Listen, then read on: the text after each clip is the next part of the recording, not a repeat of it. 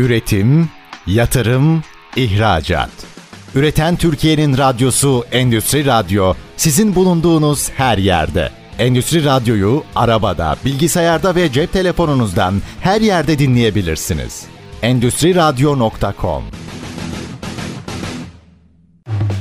Ertan Öz Yardımcı'nın hazırlayıp sunduğu Lebiderya programı başlıyor. Ertan Özlemci'yle Lebiderya programına hoş geldiniz. Bugünkü konuğumuz Saha Test Sertifikasyon Havacılık Komitesi Başkanı Sebahattin Çay. Sebahattin programımıza hoş geldin. Hoş bulduk Ertan Bey nasılsınız? Çok şükür uzun zamandır görüşememiştik. Evet. Kısmet oldu programa. Geldin. Ayağına sağlık. Teşekkürler. İyi programlar diliyorum tekrar. Çok sağ olun. Öncelikle dinleyicilerimize senden bahsedelim istersen biraz. Evet. Tekrar teşekkür ederim davetiniz için. Sebahattin Çay, Global Teknoloji Laboratuvarı Genel Müdürüyüm. Uzun yıllardır Türkiye'deki test sertifikasyon konularında yer alıyorum. Burada pek çok baş denetçilik, denetçilik görevleri yer alıyorum. Pek çok sektörde başta savunma sanayi, havacılık sektörleri, denizcilik ve diğer alanlar olmak üzere pek çok alanında Türkiye'deki akreditasyon kapsamında inspection, e, muayene ve test alanlarında faaliyet gösteriyoruz. Pek çok konularda devam ediyoruz. E, sektörün gelişmesi için pek çok konuda yardımcı oluyoruz insanlara ve destek olmaya çalışıyoruz. Kendi firmamızda da yine bu alanlarda devam ediyoruz. Biraz firmayı da tanıyalım mı? Evet. Global Teknoloji Laboratuvarı olarak 2010 yılında kurulduk. Başta muayene, inspection ve sertifikasyon olarak başlayan firmamız daha sonrasında test faaliyetlerinde içine alarak özellikle denizcilik alanında bir takım çalışmalar, e, yollar kat ettik. Türkiye'de denizcilik alanında bir takım eksiklikler vardı. Özellikle test ve ürün sertifikasyon alanında. Evet. Bu alanla başladığımız yolculuğumuza daha sonrasında havacılık ve savunma sanayi olarak devam etmeye başladık. Şu aşamada Türkiye'deki en geniş kapsamlı akredite laboratuvar olarak faaliyetlerimizi yürütüyoruz. Bu akreditasyonları nerelerden alarak bu laboratuvarlar kuruluyor? Biraz o bilgileri evet. alabilir miyiz? Yani laboratuvar kurmak evet. yani hem kolay değil hem akreditasyon bambaşka bir süreç? Akreditasyon aslında bu işin uluslararası boyutunu tanımlıyor. Ee, Türkiye'de tek akreditasyon, akreditasyon verme yetkisi Türk Akreditasyon Kurumu'nda. Ee, bizim de medarı iftarımız Türk Akreditasyon Kurumu. Özellikle Avrupa Akreditasyon Birliği'nin de üyesi olduğu için. Evet. Özellikle sizin yaptığınız test ve sertifikasyon konularında verdiğiniz raporların uluslararası geçerliliği konusu esastır. Yani burada verdiğiniz bir raporun da Amerika'da da geçerli olması, bir gıda raporu olabilir, bir ürünle ilgili verdiğiniz raporun geçerlilik ve ve özellikleriyle tanımlanan değerlerin uluslararası alanlarda geçerli olması lazım ki sizin yaptığınız test sertifikasyon firmaları aslında diğer ihracatçı firmaların uluslararası alanda önlerini açar. Yani onların rekabet alanlarında ve diğer alanlarda bunlara bu faydaları sağlayacaktır ve rekabetçi olmalarını sağlayacaktır. Dolayısıyla Türk Akreditasyon Kurumu'nun bu konuda Uluslararası Akreditasyon Birliği'ne üye olması, Avrupa Akreditasyon Birliği'ne üye olması dolayısıyla ondan akredite olan laboratuvarların veya sertifikasyon kuruluşlarının da uluslararası geçerliliğini sağlamaktadır. Dolayısıyla firmalarımızın hepsinin ihracat açısından önlerini açmaktadır. O zaman şöyle diyebiliriz herhalde. TÜRKAK'a üye olmuş bir laboratuvar, sadece firma evet. değil, laboratuvar sizin özelinizde. Dünyadaki herhangi bir projeye buradaki imkanlarıyla e, girip testini yapıp teslim edebilir. Çünkü buradaki verilen dokümantasyon TÜRKAK'tan akredite olduğu için dünyanın o bölgesinde de geçerli. Evet. Aynı şekilde öncesinde aslında bunu kısaca bir isterseniz değinebilmemizde fayda olabilir. Örnek veriyorum tüm dünyada ekonomik gruplar vardır. Avrupa Birliği bir ekonomik örgüttür aslında. Evet. Bir, bir bakıma bir ekonomik Kuruluş örgüttür. aşaması oydu. Aynen. Aşamasında ee, o şekilde. Böyle başlar. Şimdi Avrupa Birliği aslında dünyada bu konulara öncülük ederken Amerika bir ekonomik topluluktur. Uzak Doğu bir ekonomik topluluk. Rusya bölgesi bir ekonomik topluluktur. İşte e, Suudi Arabistan şu an Körfez'de bir takım çalışmalar var. Aslında akreditasyon süreci de bu ekonomik toplulukların ve ticari kaygıların, ticari menfaatlerin birleştiği bir noktadır. Böyle düşünmek lazım. Biz tabii bu işlere çalışmalara başlarken tabii ülkemizde de bir takım uluslararası geçerlilik ve sertifikasyon o konularda birdi. Ülkemizdeki ihracat pazarları değişmeye başladı. Evet. Eskiden sadece Orta Doğu veya o bölgelerde ihracat yaparken Avrupa Birliği ve Avrupa Birliği dışında ihracatlar yapmaya başladık. Dolayısıyla ihtiyaca binaen test ve sertifikasyon ihtiyaçları çeşitlendi ve değişti. Örnek veriyorum. Mesela bizim bir nükleer santralimiz kuruluyor. Bunu kuran Ruslar ve Rusya diyor ki bizim sertifikasyonlarımıza haiz ürünleri kullanabilirsiniz diyor. Bir takım durumlarda Türkiye'de ürettiğimiz ürünlerimi kendi nükleer santralimizde kullanamıyoruz. Çünkü sertifikasyon ve kurallı yazan onlar olduğu için. Evet. Ama bu Avrupa Birliği ile ilgili bir durum olduğu zaman burada kullanabiliyoruz. Çünkü Türk ülkemizdeki pek çok sertifikasyon ve altyapı kısım, test kısmı e, Avrupa Birliği kurallarına uygun olduğu için bizim için daha kolay e, yürüyebiliyor. Bu döneme kadar bunlar aslında daha çok sivil ürünlerde bu çalışmalar devam ederken daha sonrasında test sertifikasyon e, konusu aslında sivil alandan askeri alana evrilmeye başladı. Bildiğiniz gibi Türkiye'de eskiden askeri alan, havacılık alanları ve denizcilik alanlarında daha yüksek teknolojik ürünler üretemezdik biz. Aynen Dolayısıyla öyle. buralarda bir takım zayıflığımız vardı. Yüksek teknoloji üretip yüksek teknoloji sertifikalandırmak ve test etmek apayrı bir alan gerektirdiği için artık bunlara da girebiliyoruz. Buralarda da rekabetçi olması için aslında test ve sertifikasyon aslında ihracatçıların önlerini açıyor. Yani bugün F-35 parçası üretip Lockheed Martin ya da Amerika'da bu kabul edilebiliyorsa evet. dolayısıyla bu da bir bakıma test sertifikasyonu da bir başarısız diyebiliriz yani. Daha önceleri biz gemi sanayinde bazı yerli ürünler üretirken e, sertifikasyon sürecinde testleri yapmaya işte Danimarka'ya, İtalya'ya, Polonya'ya gönderirdik. Yani mesela yangın testleri falan var. Şimdi Türkiye'de yapılıyor. Sen sizde de evet, biz de var. çok gönderdik zamanında yıllarca. Yani o günleri hatırlıyorum. Çok uzun zaman önce değil, 10 sene kadar önce bu tip şeyleri yurt dışından teste gönderiyorduk. Gönderdiğimiz numune geçmezse Tekrardan buradan numuneyi yurt dışına gönderir, baş, her şey başa döner ve çok uğraşırdık.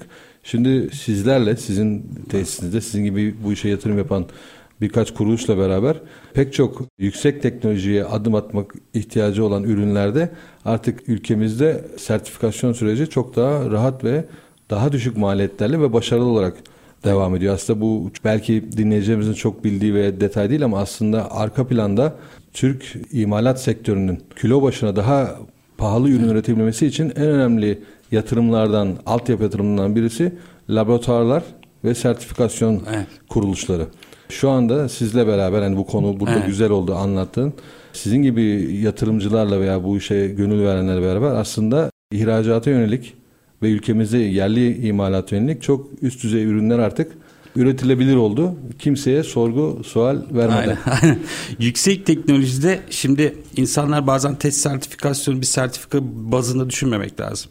Bir e, prototipin oluşturulması, bir ürünün dizayn sürecindeki test aşamaları, test sertifikasyon özellikle yüksek teknoloji içeren ürünler. Yüksek teknoloji içeren ürünler de test sertifikasyon aşaması bir dizayn prosesi kadar hatta ondan daha değerli bir yapıdır. Örnek veriyorum.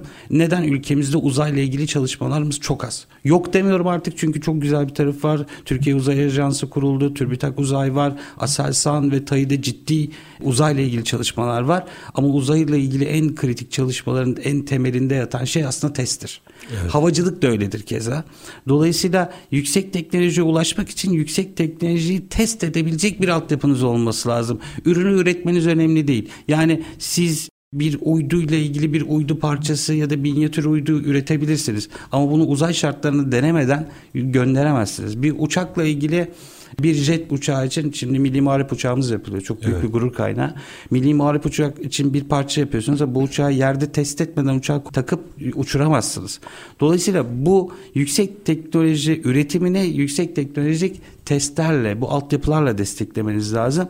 Bu da aslında yurt dışının bizdeki en büyük problemlerimizden biri. Yurt dışı size bu bilgiyi paylaşmıyor. Bu bilgiyi vermiyor. Bu bilgiyi kendiniz ulaşmanız, kendiniz üretmeniz lazım. Dolayısıyla TÜBİTAK gibi kurumlar aslında bu konularda çok ciddi yollar kat ediyorlar. Çok da güzel şeyler yapıyorlar.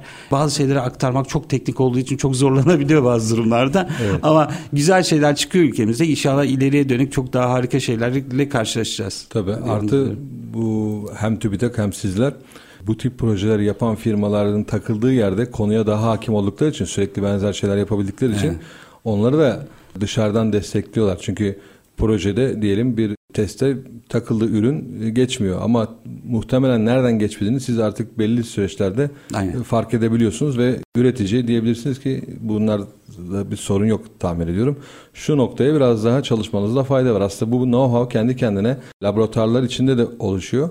Üreticinin de eksik kaldığı yerde partner laboratuvarı bunlara el atıp destek olabiliyor. Yani bunlar büyük büyük nasıl diyeyim yatırımlar insana yatırım açısından, bilgi Aynen. yatırım açısından bence. Artık ülkemiz şu şeyden çıkması gerekiyor. 2023 hedefleri ve milli teknoloji hamlesi kapsamında baktığımız zaman ihracatta artık önemli olan miktardan ziyade aslında nitelik ve sizin artık yüksek teknoloji ihraç etmeniz lazım ve insan kalitemizde artık artık çok fazla üniversitemiz var, çok fazla mühendisimiz var. Altyapımız daha da büyüdü ve ciddi bir mühendislik altyapımız oluşuyor. Bu insanları da kaçırmamamız lazım ülkemizden. Evet. Dolayısıyla bilgi, ciddi bilgi birikimi oluşuyor. Bu yapıyı beslememiz için yüksek teknoloji üretmek zorundayız. Yani mal başı veya kilo bazına baktığınız zaman yüksek teknolojilerle bu ürünleri karşılayabilirsiniz. Sadece tarım ihracatı yaparak belki bunları karşılayamazsınız. Dolayısıyla bu tarafa bunun için de yüksek teknoloji üretmeniz için de insana yatırım yapmanız zorundasınız. Bununla ilgili biz de bir takım çalışmalar yapıyoruz. Eğitimler vermeye çalışıyoruz. Bu takım altyapıları hazırlamaya çalışıyoruz. Şunu biliyoruz ki belki burada ciddi eksiklerimiz var. Okuldaki akademik eğitimin dışında bir de mesleki eğitimlerin hızlandırılması özellikle yüksek teknolojiye yönelik savunma sanayide ve havacılık alanlarında bir takım eğitimlerin yapılması daha çok iş başında bu eğitimlerin yapılması lazım.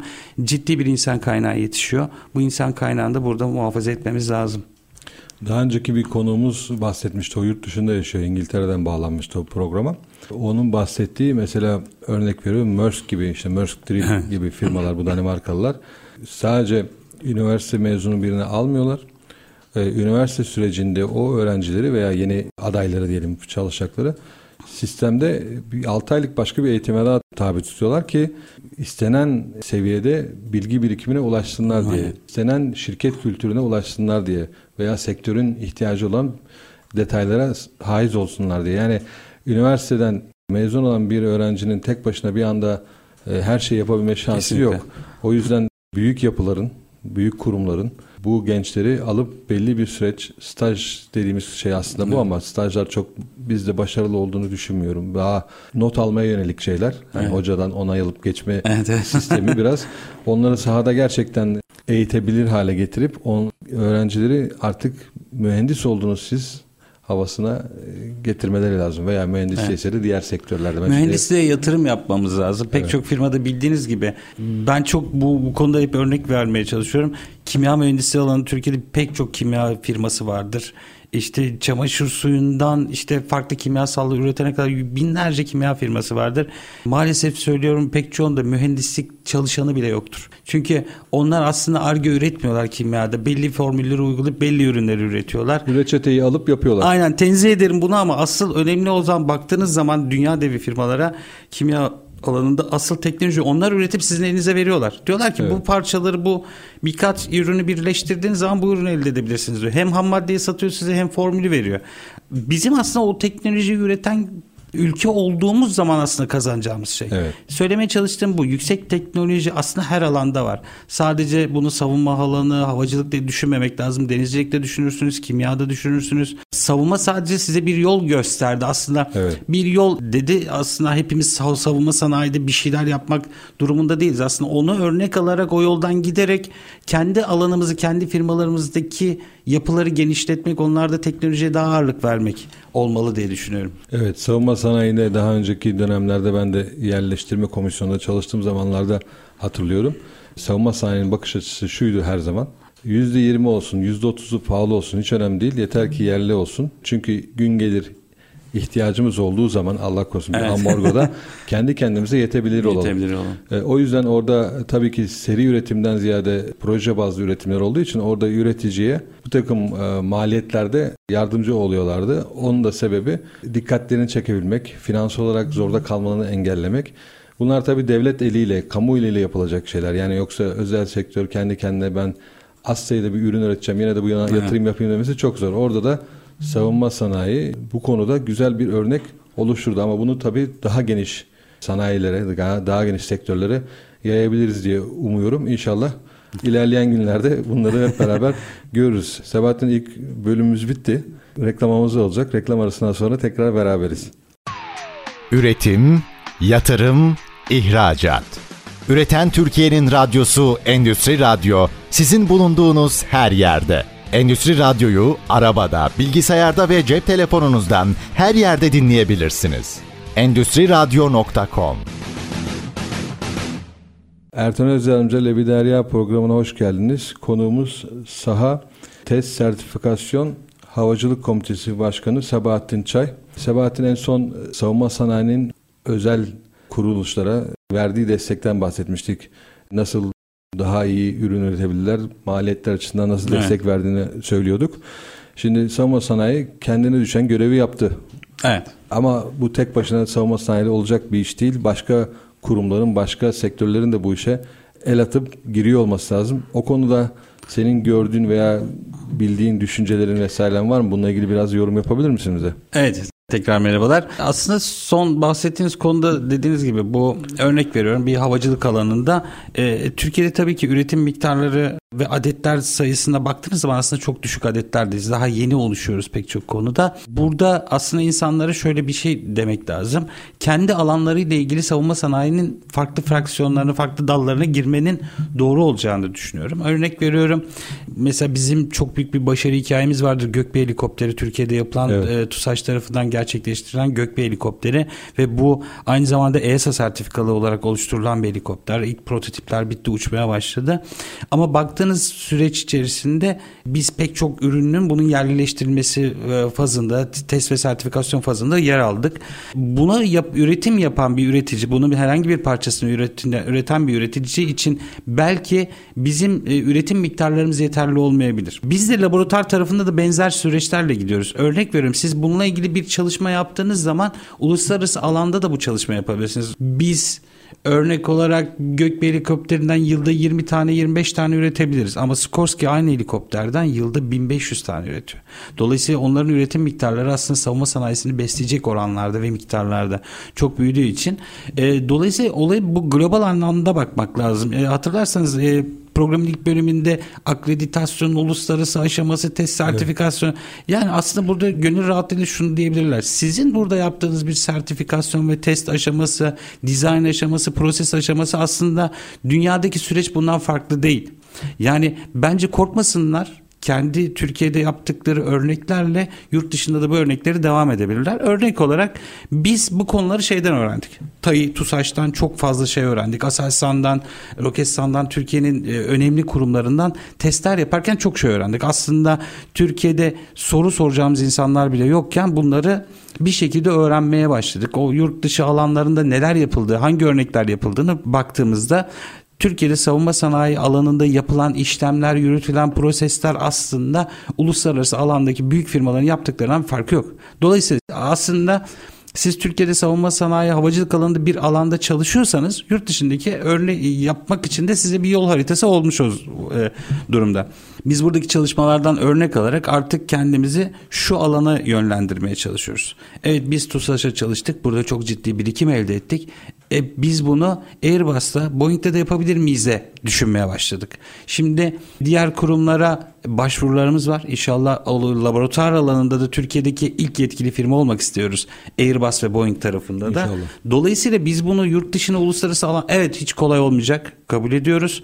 Gittiğimiz yollar hiçbir zaman kolaylı olmayacak. Pardon ama şu ana kadar aldığın yol da kolay değildi. Evet, Çünkü evet. Buraya aynen. da ilk bu sektörde ülkede de yaparken de e, bu kadar detaylı laboratuvarlar yoktu. Şimdi evet. belki sizin gibi başka da vardır. Hani tek Aynen. tekil olarak Sadece devlet ama, eliyle vardı. Şimdi özel laboratuvarlar evet. çıktı. Evet. E, e, bunu yapmak da kolay değildi. Hiçbir şey kolay değil. Yani Aynen. önce olduğunuz hiçbir şeyde yol kolay değildir. Ama neticede ulaştığınız yerde eğer evet. Orada önce olarak geldiyseniz oraya işte o zaman e, hikaye farklılaşıyor. Aslında hani ben bunu bazen diğer sohbetlerde falan şöyle söylüyorum. Ülkemizdeki büyüklük ne kadarsa biz de aslında o kadarız. Evet. Yani ülkemizdeki savunma havacılık alanı ne kadar büyükse biz de olması gerektiği kadar büyürüz. Ülkemiz ne kadar büyürse biz de o kadar büyürüz. Amerika'daki bazı firmalarda şöyle bir hatalar oluyor. Bizi ya da TUSAŞ'ı bir Boeing'de karşılaştırma oluyor. İşte bizim laboratuvarımızı Amerika'daki bir laboratuvarla karşılaştırma oluyor. Şimdi bizim ülkemiz için ihtiyaç bu kadar. Biz daha büyümek isteriz evet ama ülkemizin de büyümesi lazım ya da yurt dışına açılarak büyümemiz lazım. Dolayısıyla hep böyle görmek lazım. Asla küçümsenecek bir noktada değiliz. Türk dünyadaki belki ilk beşteyiz. Savunma havacılık alanlarında çok ciddi şeyler yapıyoruz. Evet geleceğe çok daha güvenle bakabileceğimiz bir sürü ürünler var. Teknoloji yatırımlarımız var ama bunlar sabır gerektiren, yıllar gerektiren şeyler. E, biz de bu alanda büyüyoruz. Örnek dediğim gibi bir Avrupa Birliği içerisinde veya Amerika'daki bir kurum, şirket, laboratuvarın gittiği yoldan ne kadar bir yoldan o belki asfalt yolda gidiyor biz stabilize yolda gidiyoruz. Onların belki 10 katı daha fazla uğraşıyoruz ama uğraşmak zorundayız bu ülke için. Birileri önce olacak dediğimiz gibi biz bu çalışmalar başlamadan önce devlet eliyle kurulan TSE'nin, Aselsan'ın, Roketsan'ın, TUSAŞ'ın kurduğu alanları takip ederek devam ettik. Evet. Sonuçta onlar bir iz bırakır sizin önünüzde. Biz de o izi devam ettirerek daha büyük, daha güzel, e, daha temiz yollar olarak yaparız. Bir arkadan gideriz. Arkamızdan gelecek gelenler için de daha temiz ve daha kolay bir yol, daha güvenli bir yol açarız. Dolayısıyla bunun bilincini olarak takip ediyoruz. Amacımız sadece bu alandan bir belli bir meblağ kazanmak değil. Amacımız aslında bu ülkede bu bir şeylerin olabildiğini kanıtlayabilmek. E, aynen bunu TUSAŞ'ın yaptığı gibi, Bayraktar'ın yaptığı gibi. Evet. evet. Kimse belki 10 sene evvel, 15 sene evvel deseydiniz belki Türkiye drone konusunda dünyada lider konumda olacak. Kimse inandıramazdınız ama şu an çok farklı alanlarda. Tabii onlar bir örnek teşkil etti, bir güç teşkil etti. Herkes de arkasından gitti. Onun arkasından STM'nin yaptığı şeyler, Aselsan'da yapılan uygulamalar, TUSAŞ'ın yaptığı uygulamalar bunlar dünyada çok sayılı konular. Ve, ve bizler için aslında motivasyon kaynağı oluyor. Aynen. Ee, mesela biz de genelde sohbetlerde böyle konuşurken genelde verdiğim bir örnek var. Mesela bir Türk üreticisi, imalatçısı e, bir şeyi yeni bir ürün sokarken piyasaya Türkiye'de kaç, kaç tane satarım diye bakıp maliyet analizi yapıyor. Bir Koreli, bir Japon dünyaya, dünyaya kaç tane satarım diye maliyet analizi yapıyor. Zaten orada biz kaybediyoruz. Evet. Evet Türkiye kendi iç pazarında kuvvetli bir ülke. E, dinamik bir ülke, gençleri yüksek hani iç genel evet. konuştuğumuz zaman kendi kendine yetebilen işler yapabiliyor. Ama belki yetemeseydik şu anda çok daha büyük bir ihracatçıydık. Aynı Hollanda gibi. Çünkü Hollanda iç pazarına ne satabilir? Aynen. aynen. Ee, yani 10-12 milyonluk nüfusu ülkeler kendilerine ne yapıp satabilir? Onlar hep global düşünmek zorundalardı. Kore global düşünmek zorundaydı. Japonya. Aynen. E, biz kendimize yeteriz şeklinde devam ettiğimiz için belki şu an zorlanıyoruz. Çünkü bazı yerlerde treni kaçırmışız. Ama Şimdi uyandık. evet şimdi yani... yakala. Ama teknolojinin şöyle bir şey var. Şöyle bir şey görüyorum. Geçen büyük bu Türkiye'deki çok büyük bu beyaz eşya üreticilerinin evet. laboratuvar müdürleriyle vesaire bunlarla bir sohbette bulunduk. Teknoloji öyle bir şey ki isim vermek istemiyorum markalar ama bu Türkiye'deki çok büyük beyaz eşya üreticilerini düşünün. Bunlar belki 70-80 yıldır üretim yapıyorlar. Evet. 100 yıllık şirketler. Düşünün dünyada da çok büyükler kendi alanlarında. Siz bu kadar yürütüyorsunuz, her şeyi devam ettiriyorsunuz. Bir anda bir basit bir elektrik süpürgesi üretiyor birisi robot şeklinde. Sizin 100 yıldır yaptığınız cironun bir anda önüne geçebiliyor. Evet. Teknoloji böyle bir durumu var. Yani araba fabrikalarını düşünüyorsunuz. Bir sürü araba fabrikaları var. Yüzlerce yıllık adamlar dizel motoru keşfetmişler, benzinli motoru bulmuşlar, Sonra icat Elon etmişler. Elon Musk geliyor ortalığı dağıtıyor. Aynen. Bir tane elektrikli araba yapıyorsunuz adam 10 yılda hepsinin önüne geçebiliyor. Evet. Teknoloji o yüzden böyle çok önemli. Evet, evet Türkiye belki e, hatırlarsanız birkaç yıl bir, birkaç yıl oldu. E, bir oyun programı satıldı Türkiye'de. Korkunç evet. rakamlar milyar dolara satıldı. Unicorn oldular. Evet evet yani e, kimse ta, kim tahmin edebilirdi böyle bir şeyi.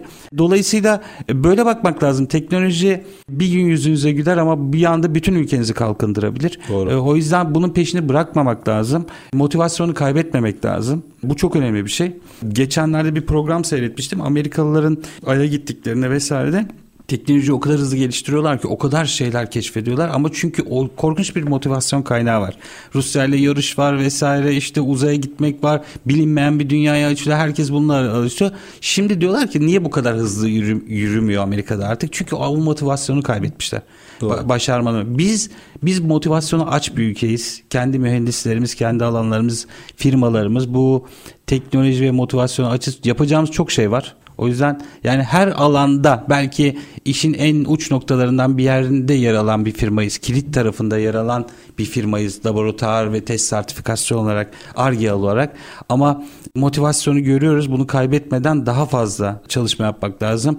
Her firmanın kesinlikle bir ARGE yapısının olması, mühendislerinin olması ve mühendislik altyapısı kurması bence zorunlu olmalı belki de. Çünkü evet. bu bu yapıyı kuramayanlar, Arge'ye, inovasyona yatırım yapmayan firmalar sonuç itibariyle geride kalacaklar. Bu yarışı evet. takip ettiremeyecekler. Görünen öyle diye düşünüyorum. Evet. Peki yani bu kadar bunları konuştuk. Bir sahaya top girelim. Evet. Saha İstanbul'a. Şimdi senin Saha İstanbul'da da bir görevin var. Evet. Ee, firma olarak orada da kayıtlısınız. O global kurumun İçinde içindesiniz. Biraz saha, saha İstanbul yapılanmasını bize bir anlatabilir evet. misin? O da çünkü çok kıymetli ve evet. e, saha, özel. E, saha İstanbul aslında bizim bir gurur kaynağımız. Başkanlığın Haluk Bayraktar'ın devam ettirdiği bir derneğimiz. Dünyanın en büyük e, savunma havacılık kümelenmelerinden biridir. Sanırım en büyüğü. Saha İstanbul içerisinde test sertifikasyon komitesi yaklaşık 3-4 yıldır devam ettiriyoruz. Burada da çok önemli işler başardık. Yakın zamanda bir fuarımız oldu. Bu fuarda dünyada belki önemli e, başarılar elde edilen bir fuar oldu. Çok güzel çalışmalar oldu. Küçük bir fuarla başlayıp aslında çok büyüdü. Bir İDE fuarı vardır. Devletin e, Milli Savunma Bakanlığı'nın yürüttü ama bu özel bir fuar olmasına karşın ben birkaç tane yabancı firmayla görüştüm. Kendi ülkelerindeki fuarları bahsediyorlar. Bizim saha fuarını görüp çok hayran kalmışlardı, şaşırmışlardı. Bunlardan bir tanesi Brezilyalı, bir tanesi Almandı ki Brezilya'daki havacılık sektörü falan da önemlidir. Evet. Ee, onlar bile çok hayran kalmışlardı. İnşallah bunlar daha da devam edecek. Ee, öyle düşünüyorum. Ee, sahada neler yapıyoruz? Ee, Saha İstanbul'da test sertifikasyon komitesi olarak e, burada e, bir takım çalışmalar yaptık. Bunlardan bir tanesi Mihenk diye bir grubumuz vardı. Mihenk ne yapıyordu? Önce biraz ondan bahsetmek lazım. Bu da uzun yıllar sürdü.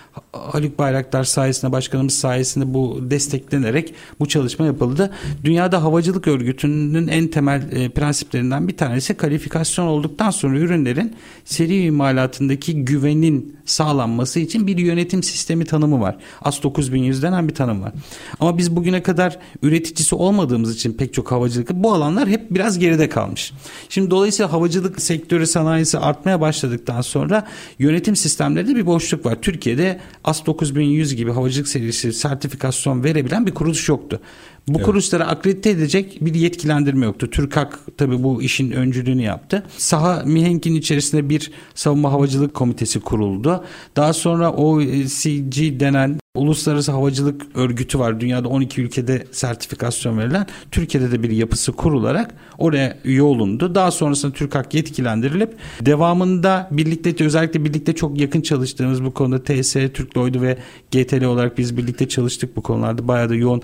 Bizler CB olarak, CB adayları olarak yani Certification Body o adayları olarak bu çalışmalara başladık. Nihayetinde tam açalım dinleyeceğiz. E, sertifikasyon kuruluşu çok özür dilerim. yani çok şeye gitmesin. Bazen böyle çok teknik bir detaya evet, girince evet. Çok detaylara girmeden girmeye çalışıyorum evet, ama tabii havacılık terimleri bir de şeydir hep İngilizce geçtiği doğru, için bazı doğru. terimler yani şöyle Türkçe karşılığı yok bile bazen. Aynen aynen yani bunu denizcilikte ve havacılıkta şöyle Başımıza bir şey var. Geliyor. Ülkemiz hani demin bahsettik ya teknolojide biraz geride gittiğimiz için bazı terimlerin Türkçe karşılıklarını koymamışız. Yani hani yok maalesef. Koysak da anlamlı olmuyor. Koysak da anlamlı olmuyor. Hayır. Buralarda geç kalmışız. Aslında bu da şeyin göstergesi. Ülkemizde teknolojinin ne kadar geriden gittiğini. Yani evet. uzay terimlerini terimlerine bakın muhtemelen hiç yoktur. Yani Doğru, hiç yani oraya hiç bakmadım ama hani muhtemelen TDK'da çok fazla eksiğimiz vardır. Bu şeyde havacılık e, sertifikasyonuna başlarken Mihenk'te ser, e, sertifikasyon kuruluşları yapıldı. İlk firma olarak Türk Lloyd'u firma milli evet. gururumuz Türk Lloyd'a AS 9000 yetkisi alan ilk firmamız oldu. İnşallah arkasından da devamı gelecektir. İnşallah. Bundan öncesindeki bu AS 9100 ile ilgili yetkilendirilen firmaların pek çoğu yurt dışındaki belgelendirme kuruluşları tarafından yetkilendirildi. Çünkü Türk firmamız olmadığı için bunlar yapıldı. İnşallah bundan sonraki süreçte yurt dışı firmaların çok ihtiyaç kalmadan e, bu çalışmalar yapılacaktır. Şunu unutmamamız gerekir. E, test veya sertifikasyon dediğimiz konular aslında bilginin taşındığı şeyler. Biz sadece aslında testi yapmıyoruz. Aslında bilgiyi de yurt dışından bir çalışma yaptığımız zaman aslında bilgimizi de yurt dışına taşıyoruz. Aslında Doğru. en önemli şey bu. Kendi know-how'umuzu taşımayalım. Bunları da mümkün olduğunca her şeyde yerli milli diyoruz. Test sertifikasyonunda da millilik çok önemli. Kendi yerel firmalarımızı, kendi milli firmalarımızla bu çalışmaları yapmamız lazım. Doğru diyorsun. Yani yapı, yaptığımız bir ürünün numunesini yurt dışına gönderip test ettirdiğimiz anda bütün e, bilgiyi de göndermiş başarısı oluyoruz. Başarısı veya zayıflığı Aynen. Tek, teknik olarak bütün bilgiler e, yurt dışına e, depolanmış oluyor. Aynen. Hele ki bu savunma sanayi gibi yerlerde çok çok daha kıymetli bu gizlilikler. Evet. Evet programımızın ikinci bölümünün sonuna geldik. Az sonra üçüncü bölümde tekrar beraberiz. Üretim, yatırım, ihracat. Üreten Türkiye'nin radyosu Endüstri Radyo sizin bulunduğunuz her yerde. Endüstri Radyo'yu arabada, bilgisayarda ve cep telefonunuzdan her yerde dinleyebilirsiniz. Endüstri Radyo.com Ertan Özdemci ile Levi Derya programının 3. bölümündesiniz. Konuğumuz Saha Test Sertifikasyon Havacılık Komitesi Başkanı Sebahattin Çay. Sebahattin en son biraz sahayı Saha evet. İstanbul'u anlattık e, dinleyicilerimize. Ben şimdi konular konuları açarak gidiyor ama asıl Global Teknoloji Laboratuvarı'nın denizcilik tarafında neler yaptığını evet. konuşmadan gitmeyelim. Sonuçta Lebiderya programında denizcilik konuşmadık olmasın. Hep havacılık, savunma sanayiye girdik. Siz GTL olarak denizcilikle ilgili neler yapıyorsunuz? Şu ana kadar neler başardınız bir onları dinleyelim Teşekkür senden. ederim. Aslında kuruluş amacımız savunma havacılıktan önce denizcilikti. Denizcilik sektöründe enteresan bir şey vardır, tabir vardır. Aslında zannederler ki herkes sertifikasyonsuz hiçbir şey denizcilikte yürümedi, alınmadı anlamını söylerler. Ama denizcilik sektörde sertifikasyon ve test konusunda ne kadar fakir olduğumuzu bilmiyoruz. Yani işin içine girdiğiniz zaman bunları fark ediyorsunuz. 2006-2007 yıllarında ben denizcilik sektöründe sertifikasyon aşamasına başladık. Aslında temeli Kopenhag kriterleriyle başlayan o alanları girmeyeyim Avrupa Birliği'nin süreçleri içerisinde denizcilik ekipmanları direktifi diye bir direktifimiz evet. var. 2014-90 sayılı bir regülasyon. Maalesef daha Türkiye'de yayınlayamadık bu regülasyonu ama burada başka konular var. Belki buna değinmek de lazım. Denizcilik sektöründe gemilerde kullanılan safety ekipmanların test ve sertifikasyon aşamasıyla başladık. Aslında Türkiye nasıl ki tersanecilikte çok büyük bir ülke olmasına rağmen hani e, tersaneci ve gemi üretimi konusunda dünyada sayılı ülkelerden biri sizin çok daha iyi bildiğiniz konu.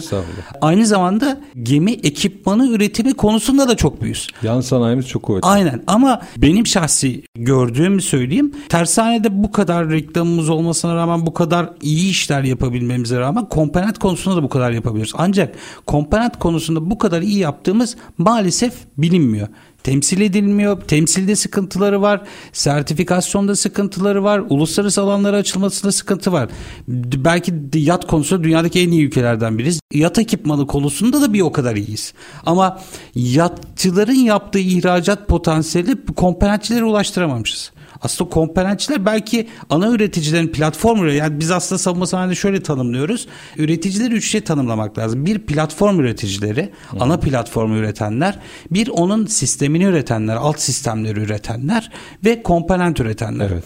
Komponent ve sistem bazında da aslında çok iyiyiz. Yani illa siz bir komponenti sistemi platformu satamayabilirsiniz ama alt komponent ve sistemi havacılıkta diğer alanlarda olduğu gibi denizcilikte de satabilirsiniz. Bu arada lafını böleceğim aklımdayken evet, söyleyeyim. Yıllar önce bir Avrupa Birliği toplantısı vardı. Oraya katılmıştık. Denizcilikle ilgili. Evet. Rakamlar yanlış olabilir. Yani tam aklımdaki şey yapamıyorum ama gemi yani tersanecilerin yaptığı ciro ile Avrupa'daki ekipman üreticilerin yaptığı ciro arasında 4 veya 5 kat fark vardı biliyor musun? Hem de çalışan sayısı olarak da yani aslında Avrupa Birliği'nde yani evet. genelinde konuşurken komponent üreticileri komponenti birleştiren tersaneden çok daha etkin, çok daha kuvvetli ve çok daha büyük Aynen. cirolara ulaşıyorlar. Bizim şu anda ülkemizde bu tam belki kafa kafaya geldi. Aslında dışarı ne kadar açılabilirsek çünkü evet. ihraç edilen her teknede, her gemide, her yatta ne kadar çok Türk ürünü varsa o kadar bilinirlik artıyor. Yani aslında gizli bir reklam Aynen. O, o, oluyor. Kullanılınca, beğenilince. İşte bu şey yavaş yavaş eşitlenmeye başladı. Belki önümüzdeki 10 sene sonra yan sanayi grupları, o komponent üreticileri şu anda gemi inşaat sanayi yaptığı ihracatın veya cironun çok daha üstüne çıkacaklar ki ben onu bekliyorum. Yani ona inananlardan biriyim ben. Ama e, şöyle bir şey var. Hatta rakamsal olarak da böyle bir örnekleme yaparsak 10 milyar dolarlık bir platform üreticisine üretmesi için 10 milyar dolarlık bir yan sanayi ihtiyacı var. Yani bu yan sanayi olmadan bu platform üreticisinin çok bir anlamı yok. Doğru. Dolayısıyla ama benim gördüğüm örnek ve deniz ticaret odasında bunların temsilciliğinin olması gerekir diye düşünüyorum. Komponent üreticilerinin veya bir derneğimiz yok. Biz bir dernek kurma aşamasına çok çalıştık ettik ama bir noktaya kadar getiremedik. E, komponent üreticilerinin çok daha aktif olması lazım. Çok enteresan şeyler gördüm. Örnek veriyorum Ankara'da bir tane savunma sanayi üreticisi aslında bir ürünü yapmış, bu ürünü sertifiye etmiş ama aslında aynı ürünün denizcilikte kullanıldığını bilmiyor. Evet. Aslında onun uluslararası pazarda çok büyük bir ürün olduğunun farkında değil ama sadece o kendi alanıyla girmiş. Aslında denizcilik sektörü ve komponent konusu bu kadar geniş bir konu. Evet. Dolayısıyla şunu fark ettim mesela değişik bir ilginç bir alan olarak size bahsedeyim. Bir yat perdesi kumaşı üreticisine gittim sertifikasyon için. Firmanın belgeleri var. Firma üretiyor yıllardır. Başka marka adında İtalya'ya satıyor. İtalya'daki bir üreticiye satıyor. Bayağı da bir satıyor ama firmanın yani o kadar bir alanın içerisinde o bir ciddi bir alan ama farkında değil ne kadar bir potansiyel olduğunu. Sonra Tuzla'ya gittiğim zaman aynı üreticinin İtalya'ya sattığı markayla Tuzla'da bir sürü o ürünü satanları gördüm. Yani buradaki Tuzla'daki üreticiler bu ürünlerin İtalya'dan geldiğini zannediyor. Türkiye'deki üretici sadece İtalya'ya gidiyor. Tuzla burnunun dibinde ne kadar büyük bir potansiyel olduğunu görmedi. Maalesef böyle bir şey var ama komponent konusu çok önemli bir konu. Komponent konusundaki en büyük sıkıntılardan bir tanesi aslında ben de uzun yıllardır üzerinde çalışıyorum ve hala ciddi eksiğimiz var. Bu eksiğin temel prensibi de aslında sebebi de biraz da biziz, biraz da Avrupa Birliği. Türkiye'de komponent üreticisiyle ilgili bir Marine Equipment direktifi var. Denizcilik ekipmanları direktifi. Hem İngilizce senin Türkçesini telaffuz etmek durumundaydım. Çünkü bazı şeylerin tanımlamalarında sıkıntılar olmasında bir regülasyon oluşturuldu. 2014-90 sayılı bir regülasyon. Uzun yıllardır bu devrede hatta 1998'den beri Avrupa Birliği'nde devrede. Yani test sertifikasyonun uluslararası boyutunu anlattığımız zaman sizin burada ürettiğiniz bir ürünü burada da aslında ülke pazarlarını şöyle düşünün. Gemilerin üzerindeki bayrak devleti, bayrak devleti kurallarına uyması lazım. Doğru. Türkiye de Avrupa Birliği pazarında olduğu için Türkiye bayraklı bir geminin uyması gereken kurallarla nasıl ki sizin pazarınızda aynı şey varsa Alman bayraklı bir geminin de uyması gereken kurallar aslında birbiriyle çok benzer ya da aynı. Komponent konusunda da aynı e, platform üreticileri zaten bunu bir şekilde Lloyd'larla, klaslamayla vesaire çözebiliyor. Ama komponent durumu biraz daha birbirinden farklı gidiyor. Aslında süreç aynı yürüdüğü için burada bizim C dediğimiz konu aslında denizcilik ekipmanları da Wilmark ya da gemi dümeni işareti şeklinde ifade ediliyor. Burada zaten pek çok ürünlerin tanımlamaları hepsi çok daha net olarak ifade edilmiş. Şöyle bir durum var ortada. Sizin Türkiye'de Türk bayraklı gemiye bir ekipmanı koyduğunuz zaman bu sertifikaya olmak zorundadır. Türkiye mevzuatı Avrupa Birliği mevzuatının tamamen birebir aynısını kabul ediyoruz. Alman bayraklı gemiye de koysanız aynı şeyi e, yürütmek zorundasınız. Bir de Avrupa Birliği'nde bununla ilgili bir takip edilen MCAS denen European Maritime Organization'ın da devam ettirdiği takip web sitesi var. Burada bir değişik bazı durumlar var. Aslında Türkiye'nin ciddi anlamda haklarının yendiği bir durum var. Biz bu yönetmeliği yayınlayamadık maalesef. Bu bir takım belki siyasi sıkıntılar olabilir, bir takım farklı sebepler olabilir. Bilemediğimiz durumlardan ötürü Avrupa Birliği içerisindeki kurumlardan sertifikalandırıyoruz buradaki ürünlerimizi. Testleri, altyapı her şeyi yapsak bile kendi markamızı, Türk markasını üzerine vuramıyoruz. Çünkü Türkiye'de daha onaylanmış bir kuruluş yok. Yani demin bahsettiğim Certification Body belgelendirme kuruluşu hala bulunmuyor. Bunun ciddi sıkıntılarını yaşıyoruz. Çünkü üreticileri Türkiye'de sertifikalandıramıyoruz.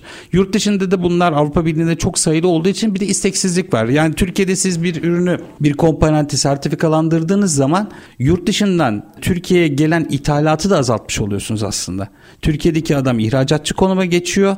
Yurt dışından gelen de ithalatı azalıyor. Dolayısıyla evet. burada bir isteksizlik durumu vardır Avrupa Birliği tarafından. Hatta enteresan olanı Amerikan US Coast Guard kuruluşu Avrupa Birliği'nden atanmış, onaylanmış kuruluş denizcilik alanında Amerika Avrupa Birliği'nde değil. Avrupa'da değil. Biz Avrupa Birliği'nde olmamıza rağmen bizim burada bir onaylanmış kuruluşumuz yok. Bu tip durumlar bizde ciddi problemler. Dolayısıyla bizler üreticilerin önlerini açmalıyız. Komponent üreticileriyle ana platform üreticileri arasında en temel problemlerden bir tanesi şudur. Platform üreticileri çok büyük üreticiler. Bunların sayıları bellidir ama hani belki 100 tane diyebilirsiniz. Ana komponent üreticileri binlerce ve bunların hepsi pek küçük firmalar. Dolayısıyla bu alt grupların temsilen bu tip durumları müzakere edecek bir altyapı veya bir grupların oluşmaması bizde ciddi bir sıkıntı. Bizim en temel amacımız Türkiye'deki ürünlerin ihraç edilmesidir. İhraç ettiğiniz zaman Türkiye'ye yapılan ithalat potansiyelini de kırarsınız. Doğru. Özellikle denizcilik alanında yüksek teknoloji ve orta düzey teknoloji kullanılan bir alandır. Komponent grubunda kullanılır. Sizin platformu sadece üretmeniz ve onu dizayn etmeniz yeterli bir şey değil. Onun alt versiyon, versiyonlarını da yaparak bunu görmeniz lazım. Bunun aslında çok önemli tarafı işte bu savunma sanayinde yapılan gemilerde Milgem milli gururumuz Milgem korvetleri yapılırken de bu ortaya çıktı. Aslında pek çok üründe eksiğimiz teknolojiye sahip ürünlerin yapılmasında bu eksiklikler görüldü. TCG Anadolu var yakında İnşallah denize kabulleri de yapılacak ve orada çok önemli sistemler var. Bu bizim için çok önemli bir platform tecrübeydi. Dolayısıyla bunlara da bir takım komponentler yapılması çok önemli kritik komponentleri biz de laboratuvarımızda test ettik. Bazı askeri gemilerde evet bunlar yapılıyor. Bu yönetmeliğin diğer yönetmeliklerden çok önemli bir farkı var. Aslında bu çok üzerinde durduğumuz bir durum. Ee, Avrupa Birliği yönetmeliklerinin yaklaşık 27 tane yayınlanmış direktif var, yönetmelik var. Bu yönetmeliklerin hemen hemen tamamında şöyle bir ibare vardır. Askeri ürünler ve deniz üzerinde giden ürünler bu yönetmelik kapsamı dışındadırlar. Siz bir makine üreticisiyseniz bu evet. makineyi karada kullanıyorsanız bir e, yönetmelik kapsamındasınız. Sivil bir ürünse. Ama askeri bir geminin üzerine ya da yüzen bir platformun üzerine koyduğunuz zaman e, bu ürün aslında buradaki yönetmelik kapsamına çıkar. Denizcilik ekipmanları direktifin en temel özelliklerinden biri sadece sivil ürünleri değil askeri ekipmanları da kapsamaktadır. Dolayısıyla sizin bunları uluslararası pazarlara açılmak istiyorsanız bu test ve sertifikasyonlara sahip olmanız gerekir. Ulaştırma Bakanlığı Denizcilik Genel Müdürlüğümüz bu yönetmeliği bir şekilde devreye alıp artık bu hükümlerin uygulanmasını sağlayacaktır. Çünkü şöyle bir biz de bunu yurt dışı olanaklarıyla belgelendiriyoruz. Kendimiz testlerimizi burada yapabiliyoruz. Pek çok şeye hakimiz. Hatta Avrupa Birliği'ndeki pek çok ülkeye göre test alanında kuvvetli altyapılarımız var. Denizcilik için de söylüyorum özellikle. Ama sertifikasyon yapamadığınız sürece istediğiniz kadar test edin. Çok bir anlamı kalmıyor. Doğru. Burada şöyle bir durumumuz var ve maalesef ben bunu utanarak söylüyorum. Türkiye'de bir denizcilik ürünü yaba, Avrupa Birliği'ndeki bir kuruluş Türkiye'deki bir firmayı belgelendirdiği zaman bir ürünü o ürünün ana üretici ana sorumluluğunu Avrupa Birliği'ndeki bir adresi vermek zorundadır. Öyle mi? Bak bunu Maalesef bu çok büyük bir e, şey sizin firmanıza bir ürününüze bir belge verdik. Fir sertifika sahibi sizin firmanızdır değil mi? Evet. Ama denizcilik ürününde de Blue Guide'de yer almadığı için Avrupa Birliği'nde bir tane temsilci gösteriyorsunuz. Siz onun altında bir firma oluyorsunuz. Ana üretici sizsiniz, ürünün her şeyin sahibi sizsiniz ama kanunen yasal olarak Avrupa Birliği'ndeki bir temsilcinizi göstermek zorundasınız. Asıl temsilci oluyor. Bu çok büyük bir problem. Peki, Bunu çözmemiz lazım. Orada bir şey danışayım. O temsilci oraya Avrupa Birliği'nden bir temsilci atadınız bu ürünün patent hakkı ileriye dönük sorumlulukları şöyle iyi veya kötü her türlü yönde evet. kimde oluyor? Bütün sorumluluklar patent durumu biraz daha farklı. Pardon. Sorumluluklar ve yapı olarak Avrupa Birliği'ndeki temsilciniz aslında sorumlu. Yani ve yetkili o yani. Bu ürün benim ürünüm deyip diyebilir. E, hak Aynen. eder. Evet evet. Buradaki belki bürokratik meseleler diyelim. Tabii belki siyasi veya bürokratik bilmiyoruz. meseleler var. Blue Guide var Avrupa Birliği'nin yayınladığı Türkiye'de de e, Ekonomi Bakanlığı Mavi Rehber diye Türkçesini yayınladığı bir rehberimiz var. Bu rehberde Türkiye özellikle bu konu alanında yer almıyor. Bu konu alanında yer almaması dediğimiz gibi bir sürü aslında konuya gidiyor. Bunun en büyük temel problemlerinden biri ben yaklaşık 15 yıldır bu konuyu takip etmeye çalışıyorum. Her türlü alanda, her türlü şeyde platformda bunları anlattık. Yazılar yazdık, bakanlıkla görüşmelerimiz oldu. Ancak buradaki en temel problemlerden biri denizcilik alanındaki komponent üreticilerinin bir birlik sahibi olmamaları gibi görüyorum. Siz de iyi biliyorsunuz, tanıyorsunuz evet. sektörü. Ama bence üzerinde önemsenmeyen ama önemsenmesi gereken bir durum olduğunu düşünüyorum. Anladım. Bayağı programın sonuna şey saklamışız. sıkıntıları saklamışız.